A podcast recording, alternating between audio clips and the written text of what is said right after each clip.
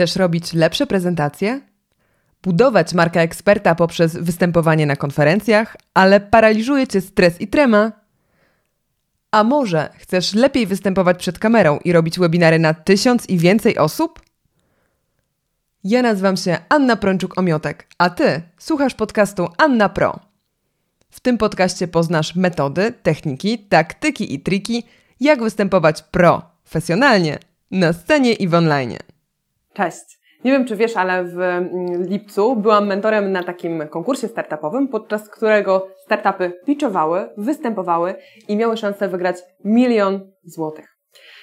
Chcę Ci dzisiaj opowiedzieć o tym, jakie było pięć największych wad w pitchach startupowych, które wtedy zauważyłam.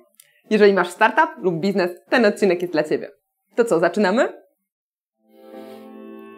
Zacznijmy od tego, że te startupy, które wzięły udział w tym konkursie pitchowania, to były startupy z projektu Unicorn Hub. To jest taki projekt, który działa w Polsce Wschodniej, na Lubelszczyźnie także, który polega na tym, że przychodzą pomysłodawcy, którzy mają jakiś mniej lub bardziej uczesany pomysł na biznes i prezentują ten pomysł komisji.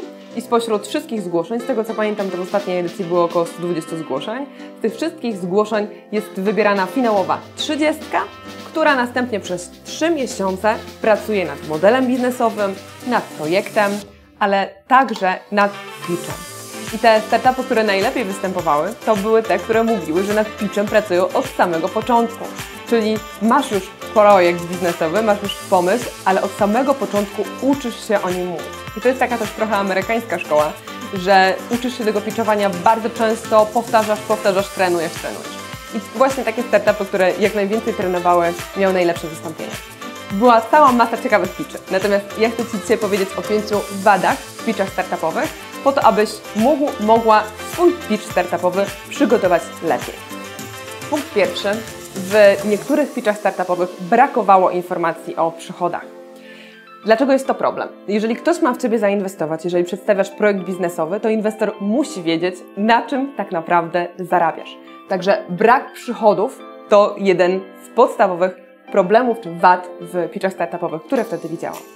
Punkt drugi. Brak kosztów. W zasadzie jedno wynika z drugiego.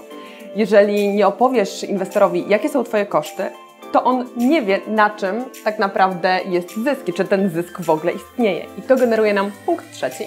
Punkt trzeci, czyli brak informacji o zysku. Te trzy pierwsze punkty są ze sobą bardzo powiązane, ponieważ jeżeli prezentujesz swój projekt biznesowy, to potencjalny inwestor, czy potencjalny partner, czy wspólnik musi wiedzieć, na czym będziesz zarabiał, jakie są Twoje koszty, czy przypadkiem koszty nie przewyższają przychodów i jaki jest zysk, jakiej wielkości jest ten zysk i kiedy ten zysk się pojawi. A te trzy elementy to były elementy, których czasami zabrakło w pitchach startupowych, które widziałam w lipcu. To jest właśnie bardzo ciekawe, bo z jednej strony mm, startupy wnioskowały o milion złotych, miały szansę zdobyć ogromne dofinansowanie, a brakowało takich podstawowych e, danych liczbowych. Startupowcy bardzo często fiksowali się na swoim pomyśle biznesowym, jaki on jest świetny, jaki jest świetny zespół i to też jest ważne i to oczywiście jest to niezwykle ważne. Natomiast nie zapominajmy, że dla inwestorów i w ogóle w biznesie najważniejsze są liczby. Punkt czwarty, brak historii. W zasadzie brak historii i brak storytellingu w tym pitchu. Dlaczego to jest takie ważne? Jeżeli przedstawiasz swój pomysł biznesowy, to warto to opakować w jakąś historię. Historia ma początek, rozwinięcie i zakończenie w takiej podstawowej konstrukcji. Ale zagłębiając się bardziej w temat storytellingu, warto jest w takiej historii ująć jakąś postać, jakąś personę, jakąś osobę, która przechodzi pewną drogę, ma pewien problem i przechodzi pewną drogę od punktu A do punktu B, podczas której podczas tej drogi ten problem zostaje rozwiązany. I to jest najlepszy sposób, żeby opowiedzieć o Twoim biznesie, czyli mamy jakiegoś potencjalnego klienta, jakąś firmę lub klienta indywidualnego, który jest w pewnym punkcie, w punkcie A, ma pewien problem, my przeprowadzamy go od punktu A do punktu B, w którym ten problem rozwiązujemy i na końcu mamy zadowolonego klienta. Taką historię możesz jak najbardziej ująć zarówno w pitchu startupowym, jak i w wystąpieniu sprzedażowym. Ale też pamiętaj, że historia to również historia Twojego zespołu. W wielu e, pitchach startupowych zauważyłam, że brakowało opowieści o zespole, a przecież firma to ludzie. Jeżeli chcesz, żeby ktoś w Ciebie zainwestował, lub jeżeli chcesz z kimś współpracować, lub jeżeli chcesz sprzedać produkt, to ktoś po prostu musi Cię polubić. Dlatego warto jest też opowiedzieć historię o swoim zespole, o tym, jak się poznaliście. Najlepsze pitche, które widziałam, to były właśnie takie, gdzie ktoś opowiedział o tym, jaki jest nasz zespół, jak się poznaliśmy i dlaczego ten pomysł, ten projekt jest dla nas ważny. Kilka projektów, e, które e, widziałam, takie te najlepsze projekty, były związane ze zdrowiem, ze zdrowiem naszych bliskich. Na przykład e, projekty, które pomagają opiekować się osobami starszymi poprzez różnego rodzaju aplikacje i rozwiązania technologiczne. I tutaj właśnie pozdrawiam Marcina, bo Marcin świetnego pitcha zrobił, w którym była zarówno zawarta historia, przychody, koszty i zysk, ale ta historia to był akurat najmocniejszy element w jego pitchu. Także zachęcam Cię, żebyś taką historię zespołu lub historię potencjalnego klienta przedstawił czy przedstawiła w swoim pitchu. Jedni startupowcy radzą sobie z tym lepiej, a inni radzą sobie z tym gorzej. I podczas niektórych pitchy startupowych widać było, że ten stres zżarł osobę przedstawiającą projekt biznesowy. Projekt bardzo fajny, zespół świetny. Znam na przykład e, członków tego zespołu, znam projekt i wiem, że ten projekt już zarabia, że to jest e, startup z potencjałem, ale stres tak bardzo zjadł osobę, która ten projekt przedstawiała, że odbiór komisji nie był najlepszy. Więc warto jest panować nad tym stresem, radzić sobie z tym stresem. Jest cała masa metod, opowiadam o tym w innych odcinkach, jak sobie radzić ze stresem przed wystąpieniami publicznymi. I pamiętaj o tym, żeby ten stres w jakiś sposób opanować, żeby po prostu oddychać e, i być spokojniejszym na swojej prezentacji. W temacie stresu polecam Ci, żeby obejrzeć e, mój odcinek na temat tego, jak radzić sobie ze stresem w czasie wystąpień. Link znajdziesz poniżej w opisie. Jeżeli interesujesz się tematyką przygotowywania wystąpień biznesowych, to też zachęcam Cię do obejrzenia kolejnych dwóch odcinków e, na temat pitchy.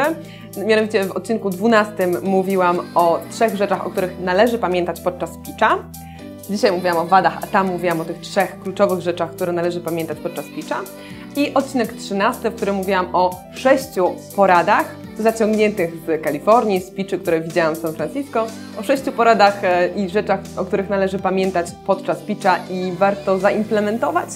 Takie elementy, które są znane i popularne w Kalifornii, a w Polsce czasami ich brakuje.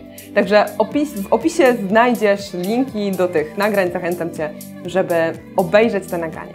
I daj mi proszę znać w komentarzu, co Ty myślisz o takich e, wadach w pitchach startupowych. Może przygotowywałeś już przygotowywałaś takie mm, wystąpienia, może u Ciebie zabrakło takich elementów w prezentacji. Daj mi proszę znać w komentarzu, czy uważasz to za istotne wady, czy może są jakieś jeszcze bardziej istotne według Ciebie. Jestem bardzo, bardzo ciekawa, co o tym myślisz. I to tyle na dzisiaj. Jeżeli odcinek Ci się podobał, to daj łapkę w górę i subskrybuj kanał. Dzięki wielkie za dzisiaj i do zobaczenia. To tyle na dzisiaj. Dziękuję Ci za wysłuchanie dzisiejszego odcinka. Jeżeli ten materiał Ci się spodobał, to subskrybuj ten podcast. Będę Ci bardzo wdzięczna, jeżeli udostępnisz link do tego odcinka na swoim profilu w social media, aby z tego materiału skorzystali także Twoi znajomi. Takie wsparcie jest dla mnie bardzo ważne. Wbijaj też na stronę www.annapro.pl, gdzie znajdziesz wersje tekstowe m.in. tego oraz innych odcinków, a także ciekawe materiały dodatkowe.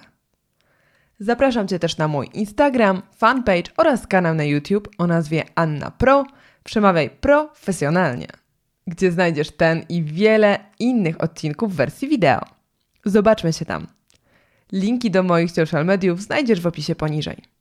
A już teraz zapraszam Cię też do kolejnego odcinka podcastu, który tradycyjnie pojawi się już w poniedziałek. To tyle na dzisiaj. Do usłyszenia!